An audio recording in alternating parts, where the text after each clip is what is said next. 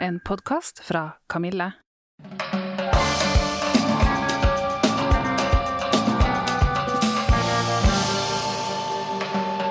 Hei, jeg heter Dora Thoralsdottir. Jeg er 48 år, og det er like før overgangsalderen starter for fullt. Sammen med Kamille har vi laget denne podkastserien fordi vi vet så lite om denne perioden av livet. Vi snakker med kvinner som er midt i overgangsalderen, og ikke minst eksperter på området.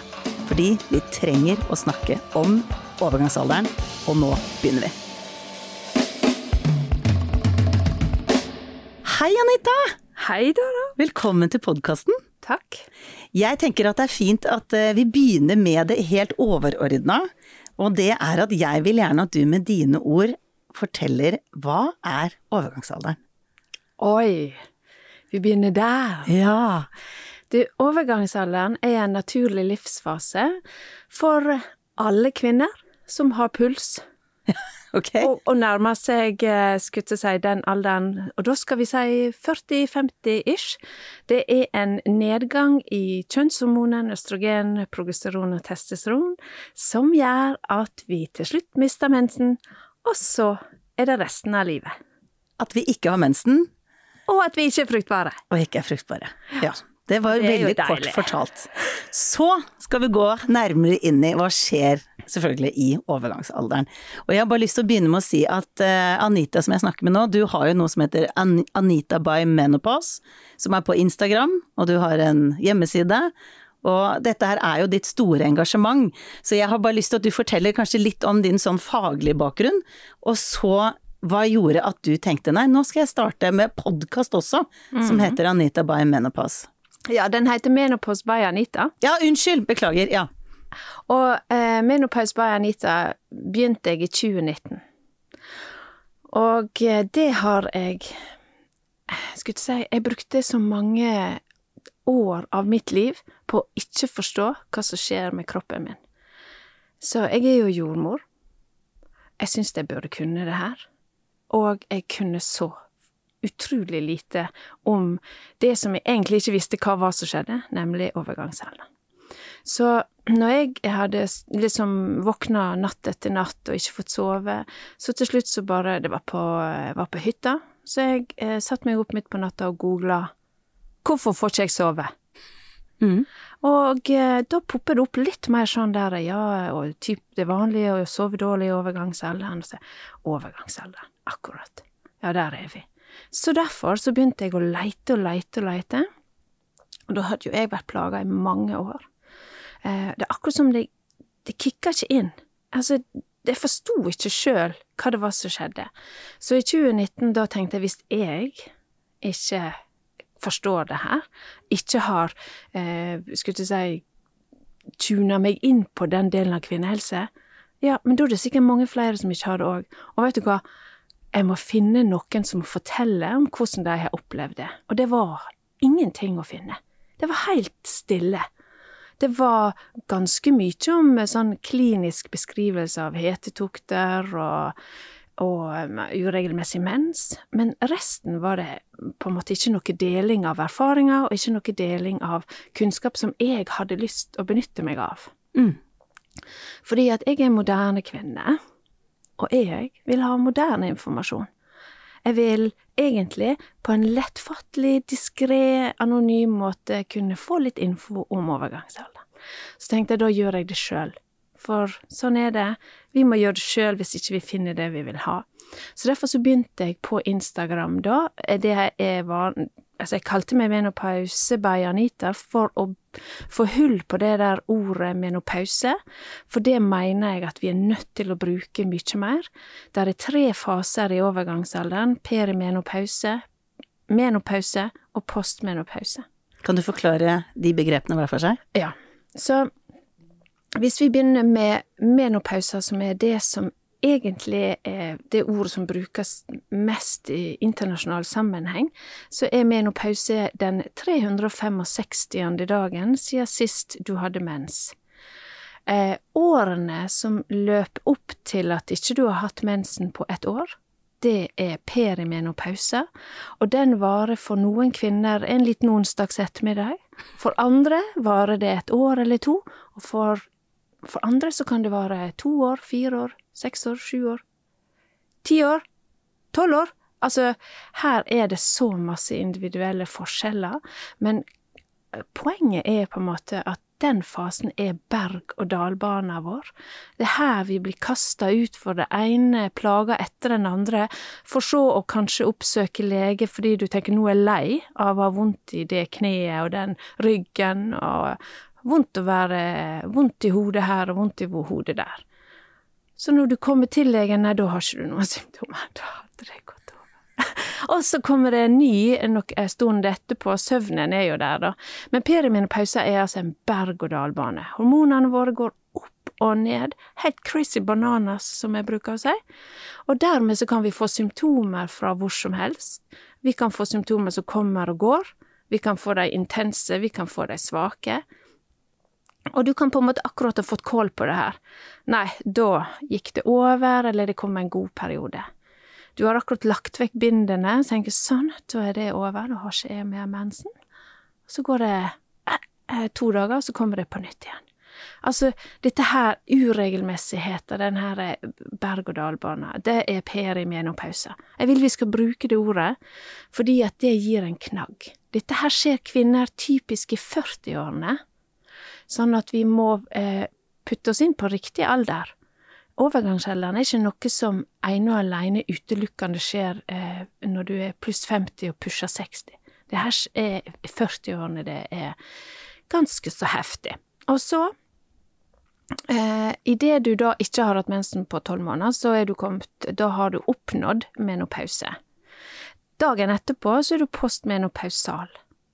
Og postmenopausal, det er da rett og slett at hormonene har lagt seg på et jevnt nivå resten av livet. Så da skal du leve sånn resten av livet. Men da må ikke alle besvime her nå og bli kjemperedde og skal jeg ha det sånn for alltid. Nei, men du har noen år der du fremdeles kan bære med deg en god del symptomer, og så skal det bli jevnere, som oftest, da. Så blir det jevnere og en, en annen tilstand av eh, av eh, både hormonell eh, nivå og symptomnivå. De fleste får det roligere, kanskje blir ikke så hissige, kanskje de tolererer plutselig at mannen spiser knekkebrød igjen, og you know, sant? For det, ah, vi, vi, Jeg må bare skynde meg å si at vi kvinner har østrogenreseptorer overalt i kroppen vår, og det gjør at vi kan ha fysiske plager, psykiske plager og sosiale plager. For vi, vi blir sånn OK, jeg gidder ikke mer. Jeg, jeg, tror jeg går Jeg blir hjemme. Gidder ikke den klubben, gidder ikke sånn. Trekker meg litt tilbake, går litt inn i, i min egen lille hule. Fordi at det er en stor omveltning for kroppen å gå gjennom overgangsalder. Som er hele det her store begrepet. Ja. Oh, nå ble det, nå er det masse, masse interessant informasjon her, og det jeg har lyst til å dvele med, er eh, pre-post eh, Nei, ikke post, ikke det, for etter pre... Peri. Peri.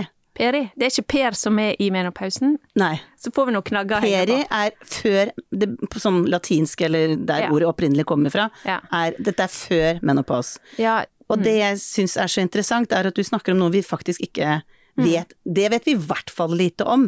For jeg kan jo fortelle at da jeg ringte Anita og ba henne være med i denne podkasten, så sa jeg til Anita jeg kommer til å stille deg veldig, veldig mye sånne litt enkle, banale spørsmål, fordi at jeg tenker det er så viktig å få vite mer om det. Og det er jo, kommer fra et veldig ekte sted, for jeg er jo 48 mm. år. Og så sa jeg til deg, jeg er jo ikke kommet ordentlig i gang med overgangsalderen. Og da reagerte Anita med å knegge Altså, du, du, lo ordentlig godt!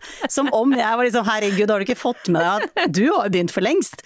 Eh, jeg, jo jo, men det er jo helt riktig, fordi at jeg er jo Denne podkasten er sponset av Femarell. Femarell kan lindre plager i overgangsalderen. Symptomer fra hormonelle svingninger kan komme allerede fra 40-årsalderen, lenge før hetetoktene dukker opp. Femarell kan med fordel prøves allerede i denne perioden. Les mer på femarell.no. Ja, jeg har ikke de hetetoktene og har ikke de plagene som man forbinder med overgangsalder. Ja. Er det som det vi er Det lille vi kan, ja. er, er ikke jeg i, men jeg er jo i gang med mm. hele prosessen her. Så jeg vil gjerne, for når du sier at det er noen som begynner ti år, og dette er i 40-årene mm. at dette her skjer, mm. kan du være sånn Hva skjer før, og hva kan man eventuelt gjøre? Og finnes det noen preparater, er det noe hjelp å få? Hvis vi har nå periomenopause mm. Så ja, ja, ja til alt. Mm. Eh, vel, for det første så tenkte jeg at jeg skulle si at um, der er um, I denne stillheten som har råda når det kommer til overgangsalder, for det, det har det jo. Det er ikke det er ikke sånn som vi kvinner har tradisjonelt snakka så veldig masse om i sosiale lag. Kanskje én til én, kanskje en mamma til en datter, kanskje til en, en venninne i, i, fortrolighet, men generelt så er det her tabu. Det er stillhet rundt det, det er skam, og det er myter, og det er stigma. Det blir fremstilt sånn på en måte som gjør at en, en tenker at det angår ikke meg, for når jeg begynte å leite, så fant jeg typiske bilder som en gråhåret kvinne med en vifte. Mm. Og jeg identifiserte ikke meg med det. Jeg var 47 år når jeg ble postmenopausal, og jeg var ingen kvinne med eh, grått hår og en vifte. Så, så det er det her stigmaet, det trenger vi å bytte om på. Og eh, jeg har jeg har jo holdt en del eh, kurs for kvinner i overgangsalderen, og det som kommer frem der, det er at de skulle så gjerne hatt denne kunnskapen fem år før. Nettopp fordi vi går glipp av de viktige forandringene som vi kan gjøre noe med. Så det typiske i perimenopausa er at søvnen begynner å, å rote. Mm. Og, og, det her er, er som oftest sier det at det er på grunn av at det ene hormonet, progesteron, synker. Det er det hormonet som gjør at vi føler oss vel, og som er viktig for at vi skal holde ja, humøret oppe, da, forutenom den menstruerende effekten, for den lar vi ligge nå. Um, og, og, dermed så kan, kan du oppleve at du våkner typisk sånn fire på natta.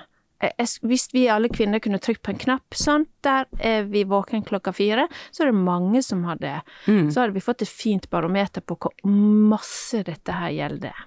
Og ikke sovner igjen og er frustrerte. Ja, og er våken eh, til eh, fem på seks, og så ringer alarmen seks.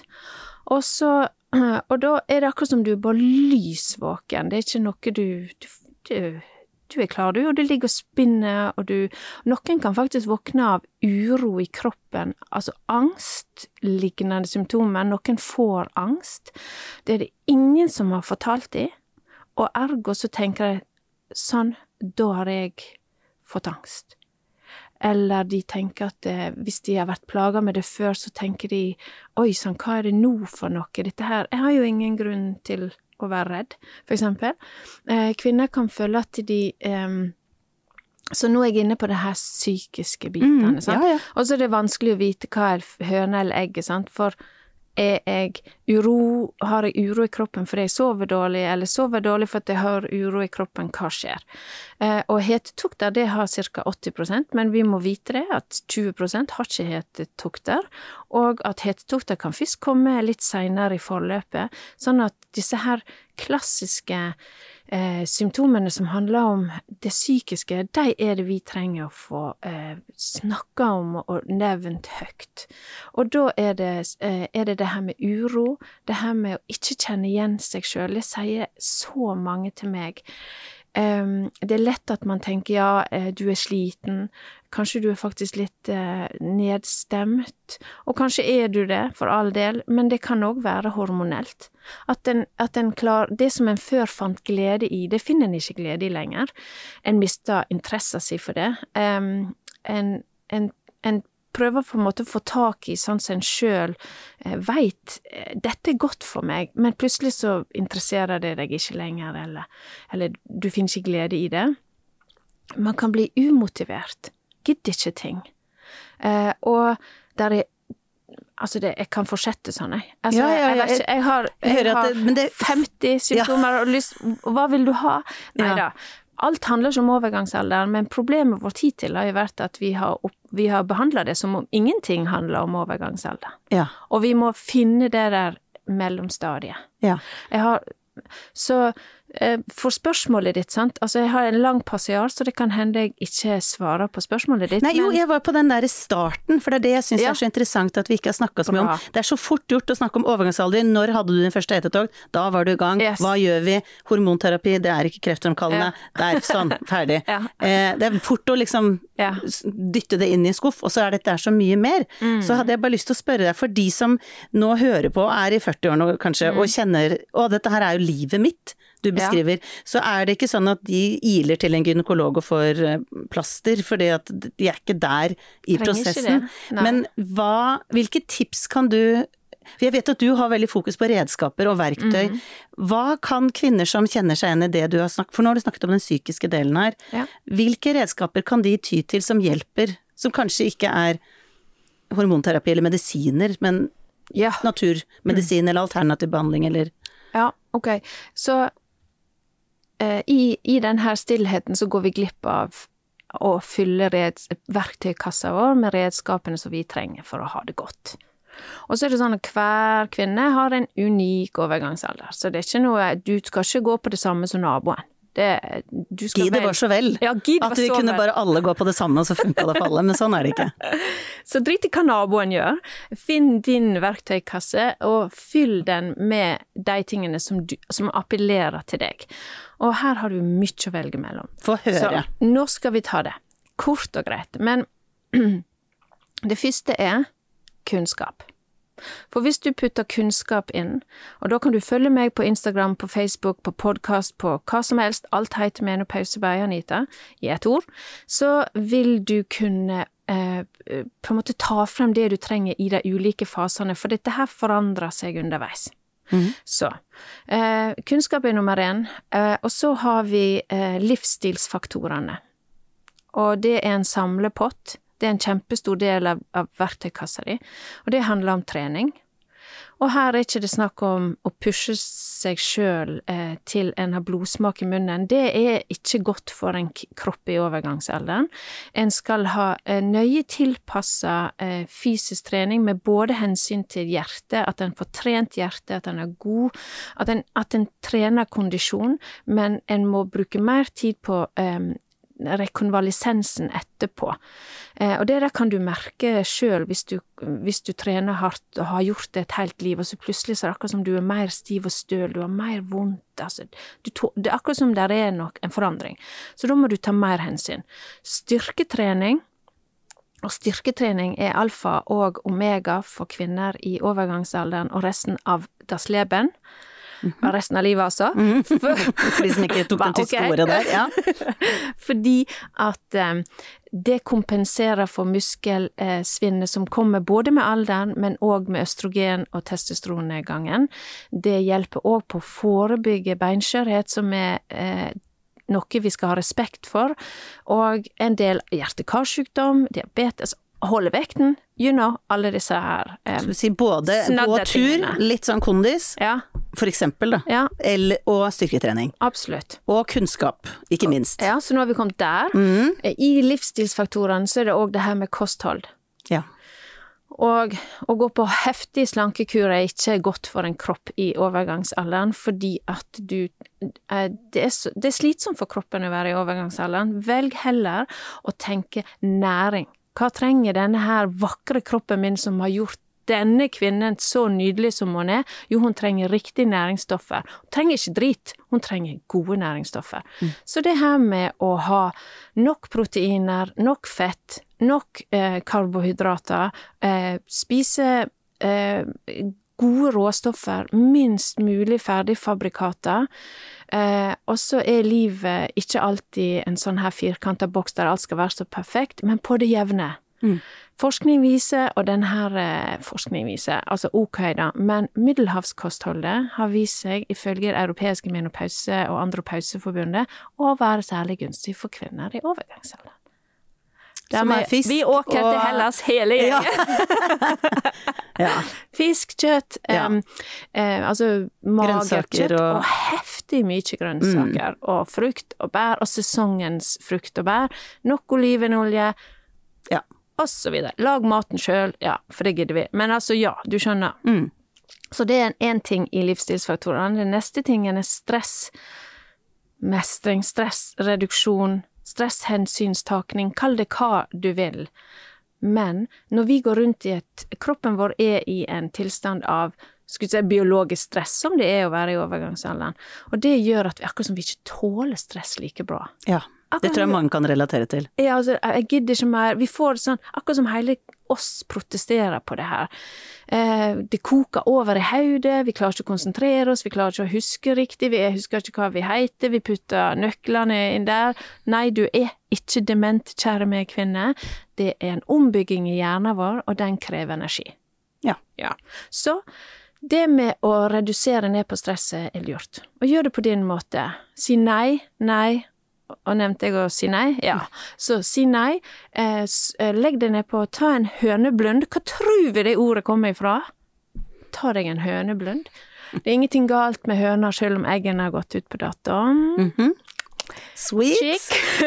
men, men det her med å ja, så tar jeg fem minutter på, med mindfulness, da, eller fem minutter med meditasjon, eller To minutter ta deg en pause. Med, tar en pause. Mm. Drit i resten av verden i et par minutter. Gjør det et par ganger i løpet av dagen, og så ta hensyn til deg sjøl.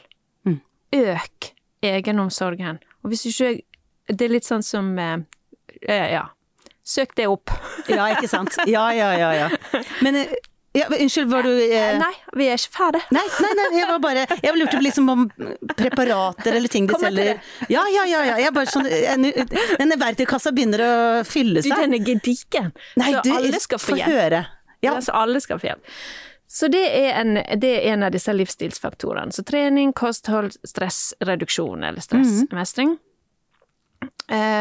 så er det å ta hensyn, øke egenomsorgen, og så er det eh, kognitiv terapi seiler opp som en viktig del. Vi kvinner har, de fleste av oss har med seg eh, noe belastning. Kognitiv terapi kan vise seg å være en, en fin måte å rydde litt i dette her, og, og få, og få på en måte fokuset litt innover, og hva kan du gjøre for deg sjøl. Det trenger ikke, ikke bety at du er psykisk syk, det kan bety at du, du trenger å ivareta deg sjøl, og trenger å se ting litt i retrospekt. Dernest så har vi alt som du kan få tak i på, et, uh, på en helsekostbutikk eller på et apotek, det er et godt alternativ for veldig mange kvinner. Det ville være typisk um, sånn fytoøstrogener, planteøstrogener, eller tilsvarende. B-vit altså vitaminer, B-vitaminer, magnesium, uh, tenk um, Tenk C-vitaminer. Altså, tenk hva er det min kropp trenger nå? Ofte så kjenner vi det, men med et godt kosthold så er mye dekka, men men noen kan eksempel få litt sånn symptomer med litt sånn urolige bein. Ikke, til, ikke nødvendigvis restless legs som er en diagnose, men at en, en kjenner litt sånn spenninger i legger og sånn, og, og der kan magnesium eksempel være en sånn triks. Det er masse triks i boka, men det er ett eksempel. Mm -hmm. eh, akupunktur Osteopati, fysioterapi eh, uh, Hva mer? Jeg skulle til å si ingen nevnt, ingen glemt, men her har jeg jo allerede nevnt noe! um, så altså, alt som går under alternativ behandling, hva er det et alternativ? Ja. Det er jo derfor det heter det! Ja, ja, ja. Så er du en som trives med det og føler at det gjelder deg, så bruk det. Ja. Og for de kvinnene som tenker at nei, dette rekker ikke, hva hvis, hva hvis, du har prøvd alt det her, ingenting virker, du sover dritt, livet er dritt, du, du, får ikke noen ting til, du er sjukmeldt, du har bare lyst til å skille deg, har bare lyst til å ligge i fosterstilling i senga, og ja, det trenger ikke være så alvorlig, da, men si nå at du har verke i muskler og ledd, du, du eh, du, du, kjenner nesten ingen vits til å, å, trene, du får ikke til å trene, alt eh, er vanskelig, så må en vite at for noen kvinner ca. en tredjedel, så kan plagene knytta til overgangsalderen være vurdert som sterke. Mm. Sterke plager. Og i det her tabuet som vi har herja med nå i, i 20 år eller mer, så har vi trodd at hormonterapi er lik brystkreft. Og de kvinnene Og det i dag er i sterk grad tilbakevist i så alvorlig grad som vi tror det er. Ja, det er en risiko, men den er lavere enn vi har Iallfall lavere enn jeg hadde inkorporert den. Jeg trodde at brystkreft var uunngåelig nesten i forbindelse med hormonterapi. Nå vet jeg at det er feil. Det er rett og slett feil. Det er rett og slett feil. Risikoen er individuell. Noen kvinner har høyere risiko enn andre, men at alle over en heil, over en lav fjøl skulle få det, nei. Sånn at hvis vi kan legge vekk frykt, og så tar vi frem fakta, så er det sånn at noen kvinner, og i dag tror jeg vi faktisk er, der er en del kvinner som er underbehandla, burde ha fått nok kunnskap om, over, om hormonterapi, menopausal hormonterapi, eh, så for å kunne ta et valg sjøl om de har lyst til å gå på det. I, nå er det forskning som tyder på at det kan eh, forebygge for eksempel hjerte-karsykdom, beinskjørhet, em, em, diabetes, altså det henger litt under de hjerte-karsykdom-greiene. Eh, det kan forebygge ja, nei, vi, eh, Helene- ordet kan, ordet kan, ja, Helene har vært gjest hos oss, og hun ramset også opp Flott. masse fordeler. Ja. Så det er bare å spørre, for vi er jo sponset av Femarel, som er jo et preparat som kan for eksempel brukes i de årene som er opp mot Ja. menopause ja. og postmenopause. Ja. Eh, hva tenker du om det? Jo, fytoøstrogener eh, og femarell og alle eh, disse her er så viktige alternativer. Fordi de har et østrogenlignende eh, effekt. Eh, og dermed så Altså, det var litt upresist sagt, da, men fytoøstrogener har en østrogenlignende effekt. Og derfor så kan det faktisk lindre en del symptomer for de kvinnene som trenger det. Og kanskje de har lyst til å prøve det i en periode, kanskje det er det de har lyst til å prøve først. Og da må vi vite at det er et veldig godt alternativ. Forskningsmessig så ligger vi på baksida, altså hva det heter det, vi ligger bakpå med forskning innen kvinnehelse og innen det her. Er du sjokkert over det? Eh, eh, nei. Eh, det er helt riktig, ikke sjokkert, men, men irritert. Ja, ikke sant. Så her må vi, her må det full skjerpings til. Så vi får håpe at Forskningsrådet og mange flere ser, um, ser hvordan de kan bidra inn. Og jeg vet at de har adressert det her, at, og av alle ting som det forskes lite på, så er typisk overgangsalderen en av de. de. Så her kan vi sette alle plugger inn. Eh, og så, så fytoøstrogener eller tilsvarende produkter som du får tak i på apotek eller på um, en kostholdsbutikk, da, eller kost... Ja. mm. Helsekost? Takk skal du ha. Ja. uh, dette er òg et symptom på overgangsalderen. Ja. Litt sånn ordleitingsvansker. Ja. Ofte så demonstrerer jeg underveis. Ja, ja, ja, men, men for du snakket jo om at du drev og lette selv da du var i gang. Hvor er du nå i løypa, kan jeg Jeg om det? Jeg er postmenopausal på mitt tredje år. Og Det betyr at det er tre år siden du Det var ett år siden du hadde mensen. Ja, vent litt. Tida går. Jeg er fem år. Er fem år? Ja. ja. Jo. ja. Bare sånn at jeg har forstått begrepet riktig. Mm. Søren òg. Ja, nei, jeg er Ja. Jeg er postmenopausal og stolt over det. Og hvordan slår det ut? Hvordan har du det? Eh, jeg har det bra. Jeg har det mye bedre enn jeg hadde det. Eh, Hva tar du av hjelpemidler? Eller gjør du? Jeg har tatt et personlig valg basert på min helse, mine risikoer, min familiehelse, og nå tar jeg hele kurset mitt i et jafs. Men eh, alt som handler om meg og min eh, helse, og jeg har tatt et valg om å gå på hormonterapi. Mm. Eh, Ta plaster da, eller? ja, jeg velger selvfølgelig transdermal hormonterapi gjennom plaster. Du kan også få spray, gelé, sånne ting. Og så bruker jeg da mikronisert progesteron, som er en, en kapsel som jeg tar om kvelden. Eh, Og så har jeg brukt testosteron. Mm. Og det er også Men det kan vi snakke litt om. Det kan vi ta litt opp igjen. For eh, bare ta det med en gang, kom igjen. ja, ok, så eh, jeg vil jo si at eh, jeg hadde fikk et helt nytt liv etter jeg begynte på hormonterapi. Og mine plager Altså, jeg har nesten hatt alle plagene i boka, jeg, altså. Eh, sykmeldt var jeg, vondt i ryggen var jeg, eh, frozen shoulder i begge skuldrene, eh, kortisoninjeksjoner, altså Og ingen ga deg riktig. Jo da, alle har jo prøvd å gjøre Dette er jo et av Jo, problemene. men det var få som visste at det var overgangsalderrelatert. Ja, det fant jeg ut sjøl. Ja. Så det har jo forsvunnet. Eh, det vil si, jeg har fremdeles litt vondt i ryggen, men det, det kan ikke gjøre så mye med. Men det er ikke nærheten. Vi snakker altså om eh, Det er ikke i nærheten. Sove som, en, eh, sove som et barn. Er ikke det deilig? Jo. Du har jo virkelig prøvd det motsatte. Ja, jeg er så så Ja, klikke i vinkel er jo et godt ord for hvordan det føltes når jeg ikke fikk eh, fikk has på det. Så jeg vil si um, uh, trening, overskudd, energi Og nå er ikke dette her en reklame for hormonterapi, bare så det er klinkende klart, for at alle kvinner skal ikke uh, gå på hormonterapi. Da går vi jo i feil retning.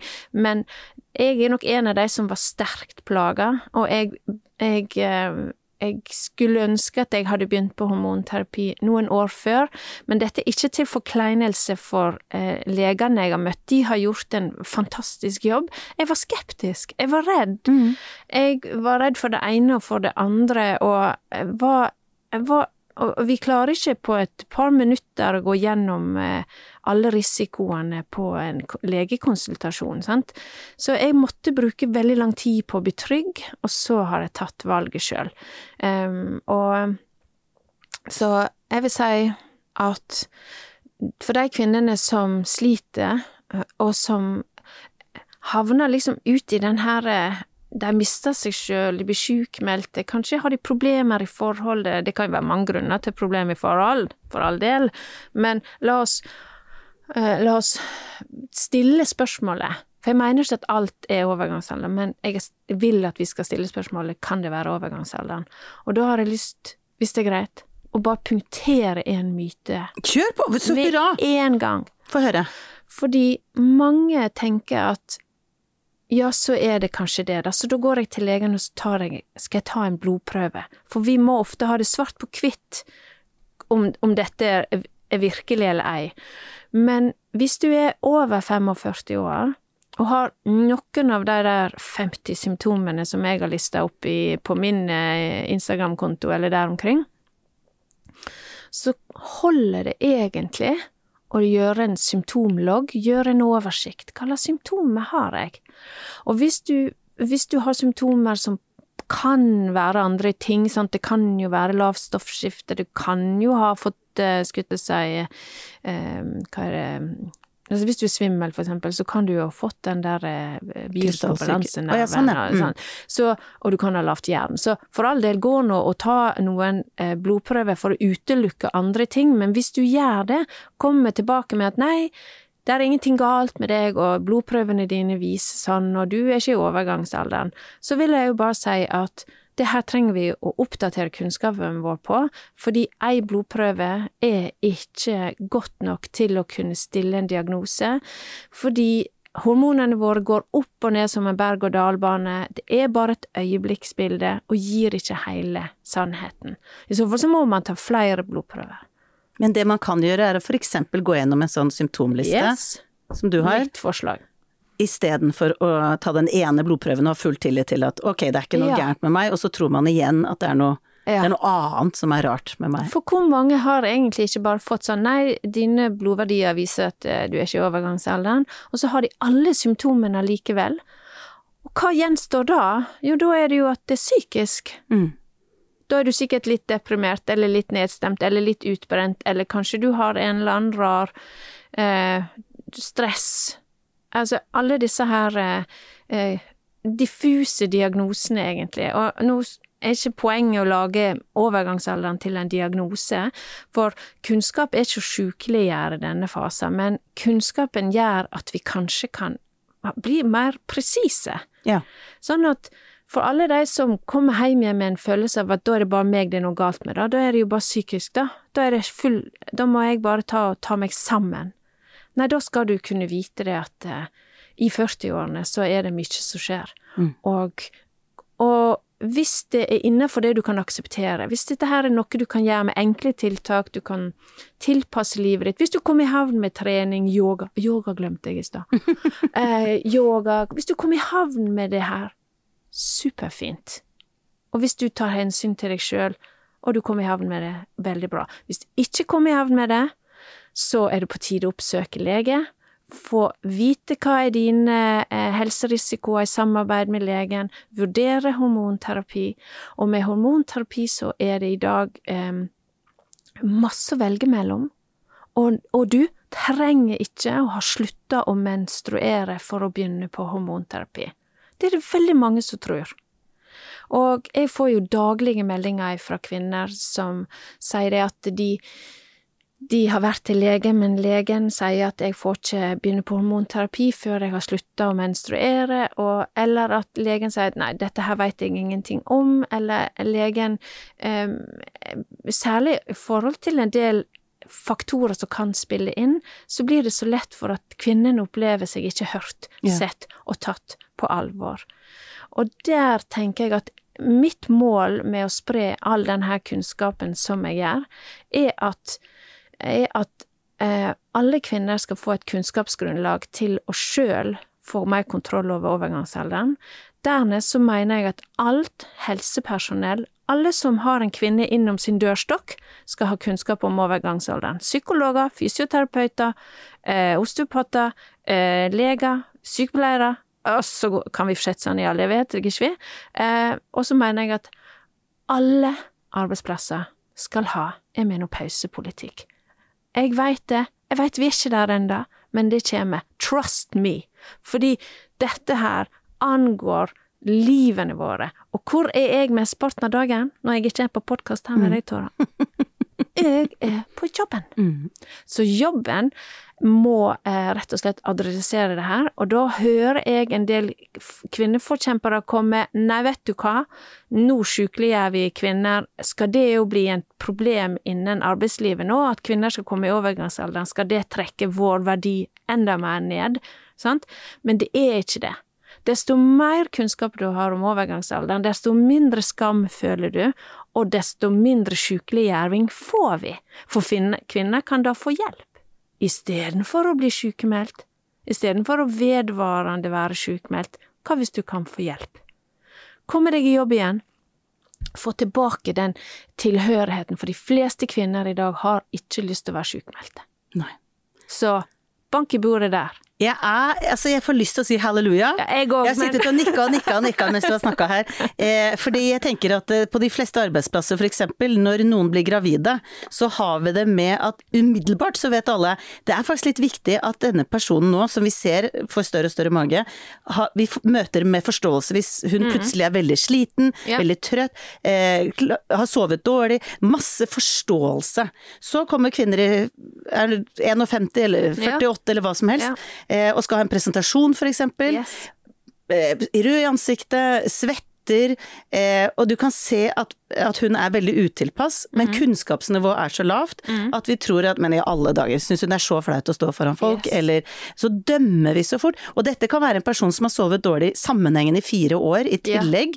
Hva det gjør med en person, og glemmer litt ord, og skal vi se, Mm. hva var det, hvor var det jeg skulle, skal vi se, det var det ordet mm. Og så sitter andre og dømmer, og da gjør vi det Det er så mye verre enn det trengte å være. Ja. Fordi vi tilpasser med gravide på arbeidsplassen, Mm. men det gjør vi overhodet ikke for de kvinnene som er spesielt hardt ramma med overgangsalderen. Nei, den jevne arbeidsplassen har ikke Der er noen som har forstått det og begynt å gjøre noe med det. Og det her er likestilling. Ja. Det her er likeverd. Mm. Fordi jeg, har ikke, jeg kan ikke bli en liten mann, jeg. Nei. Jeg- Samme hva jeg prøver, så kan ikke jeg bli det. Jeg er kvinne, og jeg eh, trenger likeverdi. Jeg går igjennom det her. 100% av alle kvinner gjennomgår det her. Og eh, du kan ikke hoppe over det. Og det er så urettferdig at ikke dette kan bli adressert med respekt. Eh, og idet vi får brudd på skammen og tabuet, desto større mulighet har kvinner for å kunne fortsette å blomstre. Ja. Og da skal jeg bare si eh, Overgangsalderen skjer fryktelig mye i hjernen vår. Det, det er en hormonfabrikk eh, eh, Ikke fabrikk, ja, men hva skal jeg si, men det påvirker hjernen vår i veldig stor grad. Um, og desto mer vi får vite om Desto mer vi får forska på overgangsalderen og sett hvordan dette her påvirker, desto lettere kan det være å, å, å, å lage tilpasninger som gjør at vi kan få det bedre til. Og vet du hva, kvinner presterer akkurat like godt. Det er bare at vi betaler prisen ved at når denne presentasjonen som du forteller nå er over, så er vi helt tomme. Vi har ikke noe igjen til å kjøre ungen på fotballkamp og, og være på en eller annen cup, eller klare å komme oss på fjellet sånn som vi burde. Altså, sånn at prisen er det vi som betaler, og jeg mener at ved, med kunnskap og respekt så kunne vi ha, ha fordelt litt den prisen. Ja, og så hadde hele den perioden ikke vært så ensom. Nei. Jeg tenker det er et veldig ensomhetsprosjekt. Det- Og er derfor jeg også lagde standup-show om det. For Ja. jeg tenkte sånn, hvordan har vi klart å komme dit i samfunnet vårt Ja. at noe som angår 50% av alle sammen, alle med livmor fordi Hurra. vi skal føde barn, så skal vi Det er så mye som følger Mm. med det. Månedlige sykluser og alt som er. Eh, og det er bare et eller annet med den derre Hvor lenge skal vi holde på med en å putte noe skamfullt over Ja. noe som er så naturlig? Nei, det skal vi slutte med. For Det- vi er den generasjonen som skal få slutt på dette. Halleluja. Yes! Nok en gang. Men det jeg syns er litt interessant også, når vi snakker om at vi, vi snakker så lite om det, det er så lite kunnskap om det, er jo at ja, vi, kvinner, det er lite kunnskap rundt det, og vi snakker lite oss, for lite oss imellom også. Men menn ligger faktisk lenger bak, for de har jo også sin Ja. endringsprosess, kan vi vel kalle det. ja. Sin overgangsalder. Mm. Eh, men det er det ingen som snakker om. Kan du fortelle litt om det? Ja, nei. Hva, om hva du vet? For jeg vet at det er, mer, det er mer at de blir eldre. Det er ikke den derre Der var de i gang med en periode som påvirker så stor skala. Ja. Men det skjer mye med menn også etter Ja. 50. Altså, jeg har valgt å fokus på den kvinnelige overgangsalderen, fordi at det her eh, Her eh, personlig opplever jeg store forskjeller, og jeg mener at her har vi et stort jafs å ta. Men mennene må gjerne komme på banen. På barn både i forhold til sin egen andropause. Andropause, er det det det heter? Ja, andropause. Ah, Og um, heter det første pause da, fram til Ja, er ca. 50? Har de en Alt- pause i det hele tatt? Ja, de har jo egentlig en lang pause, de. Ja, de har det nice. Men de har det helt, helt annerledes jevnere. Hvis vi ser Nå skal ikke vi begynne å snakke sånn endokrinologisk, altså hormonlære, men kvinners hormonendringer i overgangsalderen er em, kraftig opp og ned. Ja. Er heftig. Mens sin er mer sånn Ja. Og så De setter seg i sofaen og blir der. Og sånn. Er det ikke litt sånn? Kan, ja. Mm, Det er veldig forskjellig, tipper jeg. Like forskjellig som vi Ja da, det er sant. Men, men det skjer der òg. De mister jo ikke fruktbarheten sin bang, sånn som vi gjør, så, så det ligger nok, noe i det, da. Um, men så jeg har, ikke, jeg har nok via all oppmerksomhet til kvinnene, og det synes jeg vi fortjener. Men det som er det at både min, kvinner og menn trenger å åpne opp og snakke høyt om de endringene og de kroppslige endringene som skjer, og her har vi mye å ta tak i. Mm. Så ja, snakk om det, og kanskje, eh, kanskje herr og fru eh, Larsen kan sette seg ned og snakke om hvordan de har det. Så ville jo mye vært gjort. For der er så store forandringer, og eh, har jeg tid til litt sexologi? Ja, vær så god. eller ikke ologi, men seksualitet. For en av de største tabuene, det er jo hva skjer når østrogen og testosteron synker så kraftig at vi mister sexlysta vår, at vi får vondt hvis vi prøver å ha samleie, vi blir tørre eh, slimhinner både vaginalt, men òg utvendig, altså kvinner slutter å sykle fordi det gjør så vondt, eh, de er såre, det, det, man blør nesten av ingenting, sånn skrubbsårblødning nesten. Um, Altså vondt. Lus, ja, det er helt um, Og det er så tabu, det, at det tas ikke, nesten ikke opp i, eh, i konsultasjoner heller. Sånn at um, når østrogenet synker Og jeg husker, jeg var 47 år når jeg eh, var postmenopausal. Eh, det betyr at kvinner i 40- og 50-årene, som før har hatt et helt fungerende seksualliv, nå får fysiske endringer som gjør det vanskelig. Og så går vi, tenker vi ok, her var det tørt og fælt, så, liksom, så går vi på apoteket, og så tenker vi ok, vi kjøper noe sånn glidemiddel, og så kommer man hjem med noe sånn der Durex-greie, som ikke er tilrettelagt for den vaginale eh, pH-en, og som ikke er tilrettelagt for den kvinnelige slimhinna, og så blir det verre, og så videre. Her må vi rett og slett snakke mer om hva, hva tilbud finnes det for kvinner, hva, finnes det noen gode glidemiddel, fuktighetsgeléer, kremer for kvinner? Veldig lite. Og en av de viktigste eh, mytene vi trenger å ta tak i, er at det er to typer hormonterapi. Det er lokal hormonterapi og systemisk, skal ikke gå inn i detalj, men den lokale handler om å sette østrogen, en eller annen form for østrogen, Gelé eller pille eller Ja. Ja. ja, vaginalt, altså opp i Mhm. skjeden. Og den tilfører østrogenet igjen til slimhinnene. Det gjør at du ikke får urinveisinfeksjoner hele tida. Det gjør at du kan ha samleie uten å ha urinveisinfeksjonssymptomer eh, hver gang, for det er et veldig stort problem. Veldig mange som har urinveisinfeksjonssymptomer etter samleie, fordi at det er bitte, bitte, bitte små rifter som følge av eh, hyggen. Mm. Og så, um, og så tenker man at uh, dette gidder jeg ikke mer, så lar man heller være. Trenger man å ta rett og slett den geleen eller den Ja, stikkpillen, stikkpillen, eller kall det hva du vil. Ja. Ja. Men da trenger du å ta det etter samleiet? Nei, det spiller ingen rolle. Du skal, eh, eh, du skal Jeg vil ikke nevne produkt her, Nei? men så det kalles lokalt tilført østrogen. Hvis du begynner på det for første gang, så skal du sette det hver kveld i 14 dager. Ja, ok, for å sette i gang prosessen. Da begynner du å mette slimhinnene, Ja. og det kan være Altså, det er kvinner som har, har mista hele livskvaliteten sin rett i dass Mm. fordi at det, det blir for vanskelig vaginalt. Sitte på et kontor en hel dag går for eksempel ikke.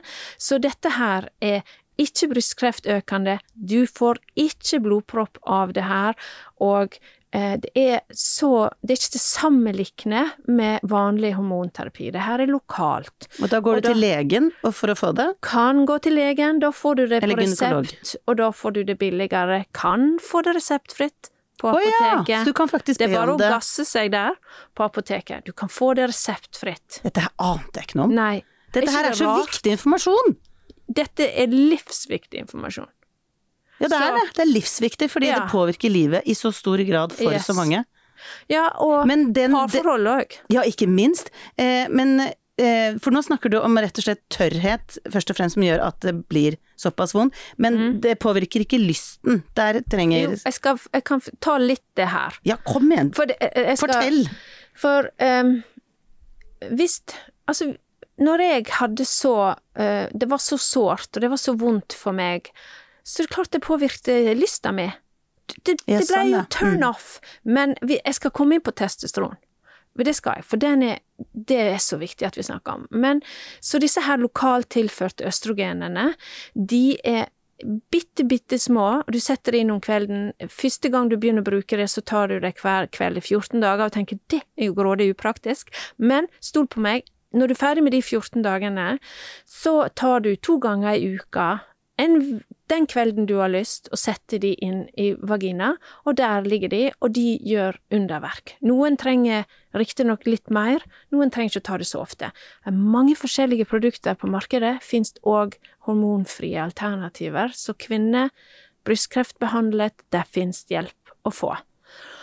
Og um, dette her, eh, lokalt tilført østrogen, ta det opp med legen din, for i mange tilfeller så kan kvinner som også har vært, har vært gjennom brystkreftbehandling, og som er forbi behandlingen, og som bare skal leve med eh, totalt ribba østrogennivå, eh, de kan òg få vurdere om de kan bruke det. Ja. Og så dette her, og, og nå snakker jeg litt sånn, fordi at jeg følger jo veldig Jeg har jo tatt utdannelse innen med overgangsalderen i, i England, eh, sånn her digital eh, opplæring, og der borte er de kommet mye lenger på en del av formidlinga av overgangsalderen. Og vi er litt i vi her, men jeg pusher nå på så mye jeg kan. Nå prøver vi i hvert fall et forsøk her på å rope vi. ut Ja. bruk lokalt tilført Østrogen. østrogen Ja. dersom det er vanskelig å samle. Ja. Og det som er, det er at urinveisinfeksjon, symptomer, kan ofte være det som flest kvinner merker, tenker ikke over at det handler om østrogen. Vi tror det er urinblæren, Ja. men dette her er østrogen. Urinrøre og vagina er altså så nært knytta at hvis du styrker området i skjeden med østrogen, så styrker du òg urinrøret og omkringliggende vev, da, kan du si. Det som er i nærheten, har nytte av det. Og så skal jeg si en bam liten tabugreie til. Åh, deilig! Det er veldig gøy når du begynner sånn, for da Ja. jeg alle, alle ørene spisses rundt omkring. Okay. Få høre. Så jeg visste ikke at eh, når vi kvinner òg synker i testosteron og østrogen, så kan vi få symptomer som går på lavere lyst, greit, men vi kan òg få signalfeil som gjør at du ikke oppnår orgasme lenger. På toppen av alt! ja, men for all del, jeg vet ikke hvor mange dette her gjelder, fordi at dette har hvor mange har forska på det her? Jo, litt. Det er litt internasjonal forskning på det. Men greia er at det er så masse signal eh, som skjer hormonelt, sant, at jeg opplevde heller å få hjertebank enn orgasme. Ja. Altså, hæ, hæ, skal Var det ha premien? Hæ, hæ, det var det. Det var ikke så godt. Men Nei, det er så litt motsatt. og når, når jeg har åpna opp om det her, så er det flere som har ja, det er meg òg. Jeg òg. Jeg òg. For hjertebank, våkne av hjertebank eh, midt på natta er nå én ting, men dette her er tilknytning til at her rusher det mye gode greier, og så kommer det hjer- hjertebank istedenfor. Jeg husker første gangen jeg opplevde det, da var jeg sånn Dette er mulig. Nå er det nok. Og, greia, greia Ja, nei, ikke bli deppet. Dette Nei, nei, nei, jeg, bare, er jeg syns det er veldig mye vi får i fanget. Det er mye. Og at ikke det snakkes om, er jo helt utrolig. Ok, så hva kan eh, kvinner som eh, kan relatere Ja. til dette her Det som var løsninga for meg, var jo at ehm, Først og fremst, bare det å tilføre østrogen lokalt kan hjelpe på uh, lysten i forhold til uh, alle de andre symptomene, sant? Uh, og, men idet du tilfører hormonterapi til hele kroppen, altså systemisk, så kan du Så er det masse som faller på plass. Og deriblant for eksempel sover du bedre, så får du mer overskudd, så får du mer energi, så kan det også selvfølgelig påvirke seksualiteten din, men per def så kan det òg være vekke en del eh, sentre som gjør at du får lysten tilbake. Kanskje du sant? Det er så masse som spiller inn.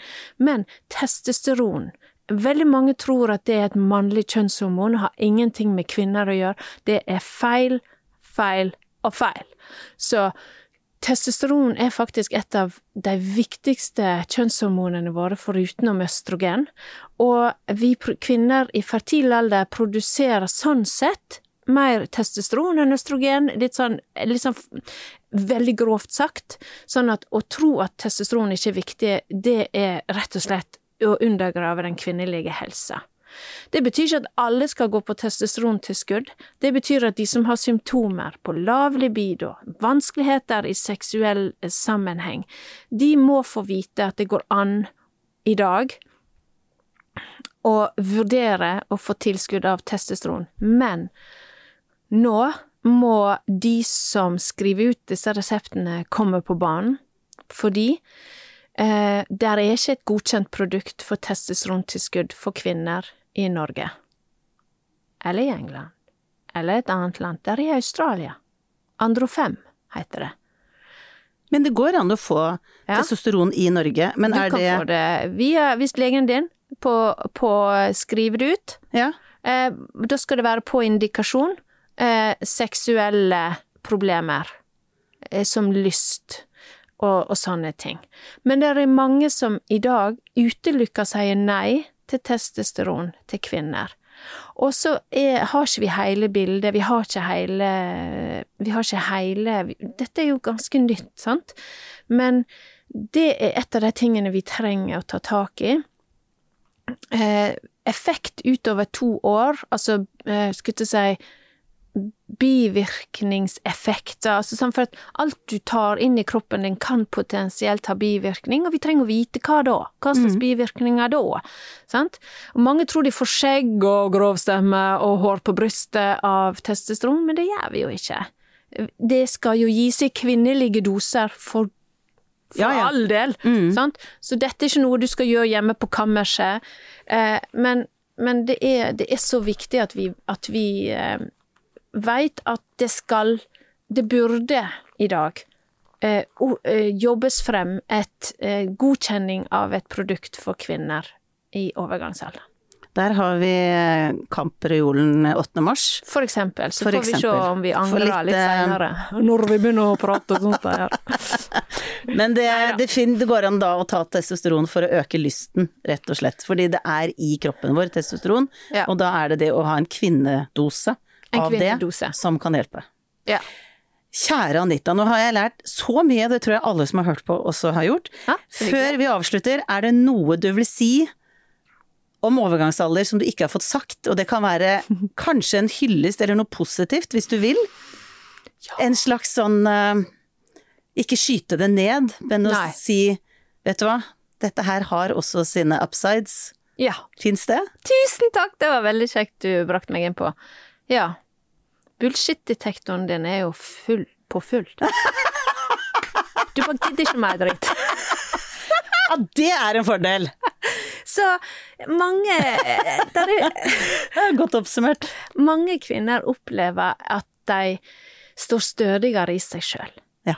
Vet du hva, sånn er jeg, og sånn er det, og jeg er kvinne, og jeg ler høyt. Eh, Så veldig mange opplever en, en, at de blomstrer til tross for Altså, hvis vi bare kan komme oss litt videre fra disse her ekstreme, plagsomme delene av det, så kan de fleste oppleve en at det roer seg, at de får det bedre, at de får mer tid til seg sjøl, og at de befinner seg ikke i like mye som de gjorde før. De er ikke her for å være for å tekkes folket, de er her for å, å tekke seg sjøl og for å surfe gjennom resten av livet eh, med glede.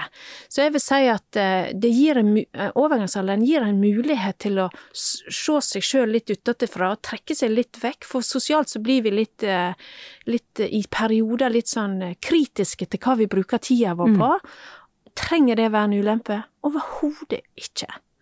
Og så tenker jeg, vi eh, ikke, liksom, Det høres litt flåsete ut å si det at eh, vi, vi trenger ikke å tenke på å bli gravide lenger, for at, altså, det, det, i moderne kvinner så har ikke det, ikke, har ikke jeg gått rundt og bekymra meg for 'gud, blir jeg gravid nå?'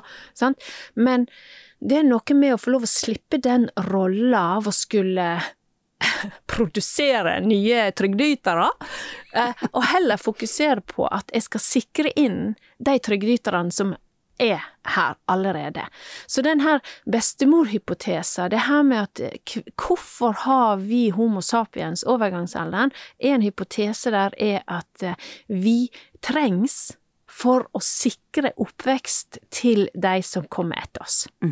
Og da er det greit å være bestemor i godt humør, Yes. Som tar vare på seg selv. Ja. Og hvis hun trenger hormonterapi eller uh, Femorell eller andre naturpreparater eller hva det nå måtte være, bruke Ja. verktøykassa si, Absolutt. Ta den fram. så ta den frem. Og go bananas i verktøykassa. Og hvis du lurte på hva podkasten eller siden eh, med all informasjon til Anita heter, så er det Menopause by Anita. Det har vært en glede å snakke med deg. Tusen hjertelig takk for alt du har bidratt med. En glede. Snakk høyt om overgangsalder. Ja, ikke sant? Yeah. Rop ut! Takk. Takk.